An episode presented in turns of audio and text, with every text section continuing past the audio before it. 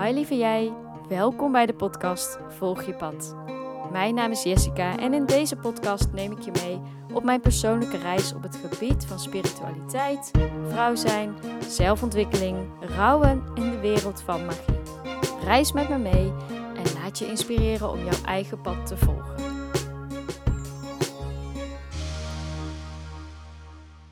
Een van mijn grootste passies is boeken lezen. En niet alleen een goede roman of een fijn fantasyverhaal verslind ik, maar ik hou ook op zijn tijd van een heel erg goed zelfontwikkelingsboek. En in deze aflevering ga ik de boeken met jullie delen die indruk op mij hebben gemaakt of waar ik heel veel van heb geleerd. Het eerste boek dat ik graag met jullie wil bespreken is een boek dat ik echt jaren en jaren geleden heb gelezen. Ik denk dat het ondertussen al wel een jaar of tien geleden is dat ik dat boek las. En het is het boek Vrouw zoekt berg om tegenop te zien van Noël Hancock. En dit verhaal gaat over een vrouw, uh, Noël, die. Oh, het is dus blijkbaar een autobiografie, zo te zien. Die uh, op 29-jarige leeftijd haar baan verliest. Op dat moment is zij een beetje op een punt van, ja, wat moet ik nu met mijn leven? En dan komt ze per toeval uh, de quote van Eleanor Roosevelt tegen. En die quote luidt: Doe elke dag één ding waar je bang voor bent. En die quote die besluit ze om heel serieus te nemen. En ze gaat dus elke dag iets doen wat ze eng vindt. En in het boek lees je dus al die verhalen van haar. De dingen die zij doet, wat ze heel erg eng vindt. En hoe dat gaat en wat het uiteindelijk met haar doet. Omdat ik dit boek tien jaar geleden heb gelezen, weet ik dus niet meer helemaal precies wat het verhaal nou was. Ik weet alleen dat het ontzettend veel indruk op me heeft gemaakt. Dit boek is gewoon ontzettend inspirerend. De auteur maakt van alles mee wat ze van tevoren heel erg spannend vindt. Ik vond het ten eerste ontzettend leuk, een ontzettend vermakelijk boek. Gewoon echt een feel good. En Ten tweede heeft het me ook heel erg geïnspireerd om ook dingen te doen die ik eng vind. Om ook gewoon de dingen te doen. En behalve dat dit verhaal vermakelijk is, eh, gaan we ook echt wel de diepte in en maken we ook kennis met haar emoties. En is het echt een boek om van te leren. Dus ik denk dat dit boek heel geschikt is voor jongvolwassen vrouwen. Maar wellicht moet ik het zelf ook maar weer eens een keer gaan herlezen. Om uh, te kijken of ik er nog steeds zo van kan genieten. Wat ik wel weet is dat dit boek echt een aantal jaren heel veel voor mij heeft betekend. En dat ik daar heel vaak nog aan heb teruggedacht.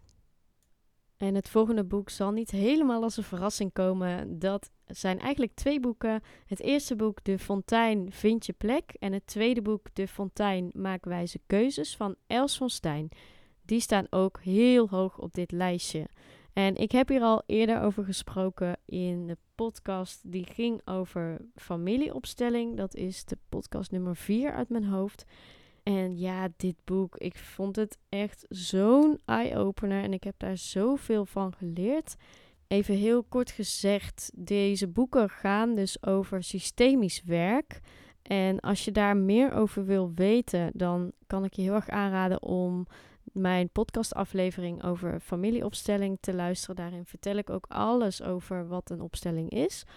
Maar mocht jij ergens tegenaan lopen in je leven, of het loopt niet helemaal lekker in je familie, of op persoonlijk vlak op allerlei thema's, dan kan het dus te maken hebben met jouw plek in jouw familiesysteem.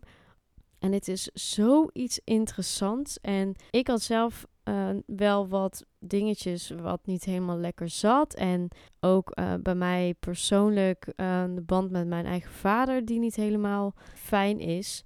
En sinds ik dat boek ben gaan lezen, kon ik echt zoveel anders naar die relatie kijken. En daar heb ik in mijzelf gewoon ontzettend veel kunnen helen. Waardoor ik daar nu dus ook gewoon veel minder last van heb. Eigenlijk gewoon ook wel vrede mee heb gesloten. Dat het is wat het is. Ja, ik kan hier wel uren over praten. Ga ik niet doen. Nogmaals, ga die podcastaflevering nummer 4 over familieopstelling luisteren. Daarin leg ik je alles uit. En lees gewoon die boeken, want ja, ik vind gewoon dat iedereen het zou moeten lezen. Mocht je nou geen lezer zijn, luister dan een podcast met Els van Stijn. Zij komt echt in heel veel podcastafleveringen voor, dus je kan er vast eentje vinden. Dikke aanrader. Het volgende boek is De Verboden Vrouw spreekt van Pamela Kribbe. En in dit boek channelt de auteur verhalen van Maria Magdalena. zij heeft eigenlijk contact gemaakt met Maria Magdalena en ehm, de lessen van Maria Magdalena die heeft zij dus opgeschreven. En het klinkt allemaal best wel spiritueel en, en, en zweverig misschien. Ik hou niet van dat woord, maar toch. Kan ik me helemaal voorstellen. Maar het lezen van dat boek heeft mij heel erg geholpen om in mezelf te zakken, om in mijn lichaam te zakken. Het heeft mij heel veel geleerd over de verschillende ja, energieën, dus de mannelijke energie, de vrouwelijke energie, en waar dat zich bevindt in je lichaam en om daar ook naartoe te gaan. En er staan ook allerlei oefeningen in dat boek. Toen ik dit boek aan het lezen was, toen vielen er zoveel kwartjes of toen voelde ik ook van alles letterlijk in mijn lichaam. Het heeft mij echt zoveel opgeleverd. Ik vond het echt prachtig. Dit is het enige boek dat ik heb gelezen van haar, maar ik ben wel echt van plan om ook haar andere boeken te lezen, want ze heeft heel erg veel geschreven. Dus als die andere boeken ook net zo veelbelovend zijn als dit boek, De Verboden Vrouw spreekt, dan, uh, ja, dan kan ik mijn geluk niet op. Een boek dat ik onlangs heb uitgelezen is Wonderen manifesteren van Willemijn Welte.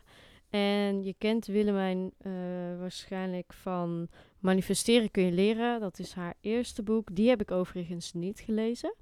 Uh, maar dit boek wel. En zij deelt de lessen uit een cursus in wonderen. Dat is een heel bekend boek. Wat schijnbaar echt ja, een soort van bijbel is of zo in de spirituele wereld.